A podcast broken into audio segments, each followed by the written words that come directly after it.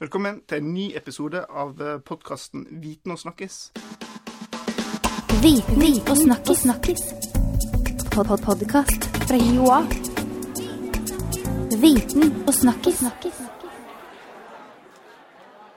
I dag har jeg med meg en astrofysiker, Jostein Riser Christiansen. Velkommen. Takk skal du ha. Eh, Du jobber her på HiOA, og du er nå øyeblikkelig ute med en ny bok. Ja, Og den boka heter Det usynlige universet. Det høres veldig spennende ut. Ja, usynlig er, usynlighet er kult. ja. men, men, men universet, det her er stort og, og, og vanskelig for oss vanlige å, å se. Men, men hva er det som er synlig i universet? Jo, det er jo deg og meg og, og, alt vi kan se rundt oss av trær og fugler og blomster. Og vi ser jo måner og planeter, i hvert fall hvis vi har noen teleskoper. Og vi ser stjerner, vi kan se galakser, altså sånne store snurrende samlinger med stjerner.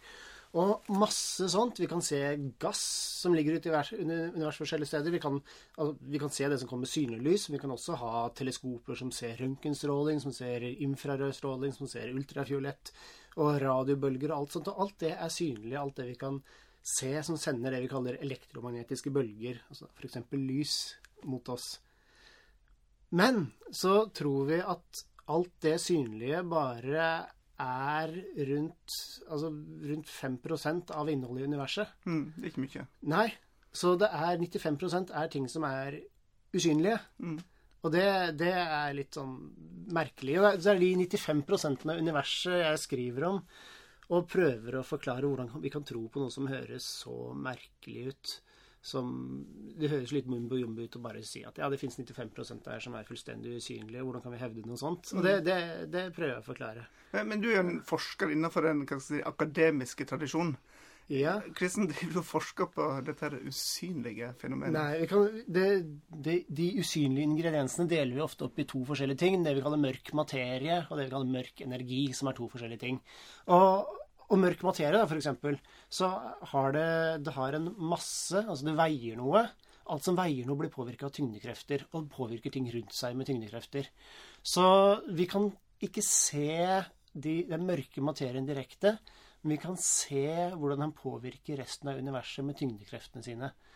Så hvis du, hvis du har en stor klump med mørk materie, de klumper seg ikke så veldig mye, så kan du kaste liksom en ball, og så ser du at den begynner å gå i bane rundt den store klumpen med mørk materie. Aha, da er det noe som gir tyngdekrefter. Da har vi mørk materie. Og mm, tyngdekrefter vil også vrenge på lys. Har du prøvd å se på et, et, et telys gjennom stetten på et vinglass? Så ser du at du får sånne buer og sånt. Og, og du har noe som heter gravitasjonslinsing, hvor tyngdekrafta, eller gravitasjonen, kan vrenge på lys på samme måte, for lys bøyes også av tyngdekrefter. Så kan du se indirekte at det er noe, noe der som ikke er synlig i vanlige bølger. Og dette sitter du og ser på. Ja, sånne ting kan vi se på. Altså, det er store samarbeidsprosjekter for sånne teleskoper og sånt. Og så er det noen som er veldig flinke til å ta bilder av de tinga der. Og så er det noen som er flinkere til å regne på hva det kan bety, det vi ser. og sånn. Så det, det er veldig stort Altså det er veldig mange som er med på å regne på de tinga der. Det er veldig mange forskjellige ting man ser på, og, og nesten alt peker i samme retning at det må være masse usynlig mørk materie der. Eh, Så kan vi spørre oss liksom, hvorfor er det ikke, hvorfor er det ikke masse mørk Hvorfor merker vi ikke det her på jorda?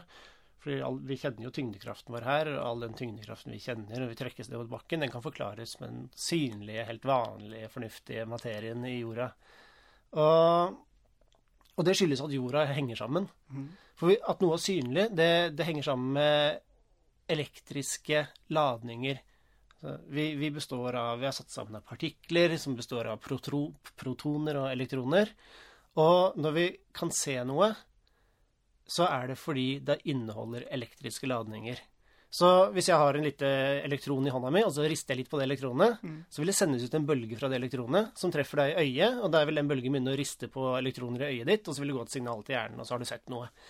Eh, men eh, mørk materie inneholder ikke elektriske ladninger, og derfor, uansett hvor mye du rister på mørk materien din, så vil det ikke komme noen lysbølge. Eh, men det at ikke inneholder elektriske ladninger, vil også føre til noe annet spennende. Fordi at vi henger sammen, eh, at jeg kan sitte på en stol her, og at armene mine henger fast på resten av kroppen, det skyldes at det er elektriske ladninger i oss. Det gjør at atomene binder seg sammen. Så mørk materie, siden det ikke har elektriske ladninger, så vil det heller ikke henge sammen på samme måte. Så, så vår idé om at noe Ja. henger sammen, den må vi legge, legge litt til Ja, side. så at noe er usynlig, og at noe henger sammen, det er to sider av samme sak. Så vi kan ikke finne en sivilisasjon med mørk materievesener og sånn som vi kan snakke med. For, for når du danner f.eks. jordkloden, da, eller solsystemet da det ble danna, kan du tenke deg en stor gassky som begynte å trekke seg sammen fordi det var, den trakk seg sammen pga. sine egne tyngdekrefter og ble tettere og tettere og tettere og tettere innover. Og så til slutt, når den ble veldig tett, så kolliderte all gassen med hverandre inni, med seg sjøl inni midten, og så stoppa sammentrekninga opp, og så ble det en tett ball der. Hvis du har masse mørk materie som trekker seg sammen trekker seg sammen, trekker seg sammen pga. tyngdekrefter, så møtes de i midten, så vil du bare få større og større fart, og så vil du bare fortsette gjennom seg sjøl og ut på andre sida, som om du sender liksom en bowlingkule i en skateboardrampe som bare går fram og tilbake uten å stoppe opp i midten fordi den ikke kolliderer med noe. Så du får ikke sånne tette planeter og strukturer og sånt, så det er mer sånn diffust smørt utover. Så derfor kan det virke veldig merkelig når vi sitter her på jorda og, og, og tenker liksom Ja, men det er veldig rart å, tenke, å, å si at det er så mye annet som vi ikke kan se. Men da befinner vi oss på et veldig veldig spesielt punkt i universet. Vi, best, vi, besti, vi befinner oss på en sånn liten, bitte liten prikk i det nesten uendelig store universet. Hvor det har klumpa seg sammen masse vanlig materie. Så det, der vi er, er ikke representativt for det andre. Litt, litt er stort. Men, men litt tilbake til din hverdag. Når du sitter på et kontor og, og forsker på disse tingene her, Ja. her på jorda. ja. Hvordan foregår det? Nei, det er, det er det som er litt trist, på en måte. Fordi, fordi hverdagen er jo å sitte med et eller annet dataprogram som man prøver å skrive for å beregne et eller annet her. Og så er det å sitte og grave og lete etter hvor, hvorfor funker ikke det som jeg hadde tenkt det skulle funke. Så det er, en sånn, det er sånn de små detaljene man sitter og sliter med til daglig ofte. Og litt derfor så er det veldig gøy å skrive en sånn bok også. For da må jeg liksom ta et steg tilbake, og så begynner jeg å se mer på det store bildet igjen. Og så aha, husker jeg hvorfor jeg begynte å holde på med det her i det hele tatt. For liksom, det her er jo kjempespennende. Eh, Men, men den kunnskapen vi opparbeider oss nå om, om den, her, den usynlige delen, Ja. kan den være til nytte for oss her på jorda i vårt uh, dagligliv? Uh, ikke direkte sånn at vi kan tappe energi ut av mørk materie og sånt. Men, men for å forstå mørk materie Vi tror det er en type elementærpartikler, eller en type sammensatte partikler, på samme måte som elektronene er, og kvarker som finnes inni protoner, f.eks. Eller Higgs-partikkelen, som var mye ståhei om for et par år siden, når de fant den på, på CERN-laboratoriet. Og man håper også å kunne finne en sånn mørk materiepartikkel. Det leter man etter, bl.a. der på CERN. Håper å kunne finne en sånn en. Og, og det vil kunne fortelle oss enda mer om hvordan naturen henger sammen på det mest grunnleggende. Så det, gir, det er virkelig sånn grunnforskning å prøve å skjønne hvordan naturen henger sammen. Og det, og det igjen veit vi ikke hvordan vi kan bruke, som all grunnforskning. Altså. Elektrisitet det var ingen som så at det kunne være noe nyttig når man forska på det. ikke sant? Men eh, det har jo vist seg å styre hele vår eh, hverdag, og sammen med kvantefysikken, som er, ligger til grunn for alle datamaskiner i dag. Så det er grunnforskning. Men samtidig så er det Jeg tenker at det også er, for min del i hvert fall, mye det å følge den menneskelige nysgjerrigheten og lysten på å forstå verden rundt seg. Så rundt oss er det så mye i universet som vi ikke forstår, og nå er vi faktisk på et nivå hvor vi kan ha eksperimenter hvor vi kan klare å finne ut av de tinga der. Og det, det er vanvittig fascinerende, syns jeg. Det høres jo fantastisk spennende ut. Men, men i, i, boka di så har du jo forsøkt å illustrere dette her vi ikke ser. Eh, hvordan er det mulig? Ja. Nei, jeg, jeg har tatt med illustrasjoner av sånne, sånne gravitasjonslinser der vi kan se på fjerne galakser som har lyset har blitt bøyd rundt, osv. Og så er det jo Jeg tenker at en viktig del av boka er også å forklare den synlige delen av virkeligheten, men vi kan se. For hvis vi forstår den, så så, så kan man også forstå den usynlige delen. Så, men og, Nei, det var et problem. Vi måtte diskutere litt med forlaget hvordan vi skulle lage forside og sånt. Det var liksom, Hvordan skal vi illustrere det usynlige? Eh, men det blei en forside til slutt.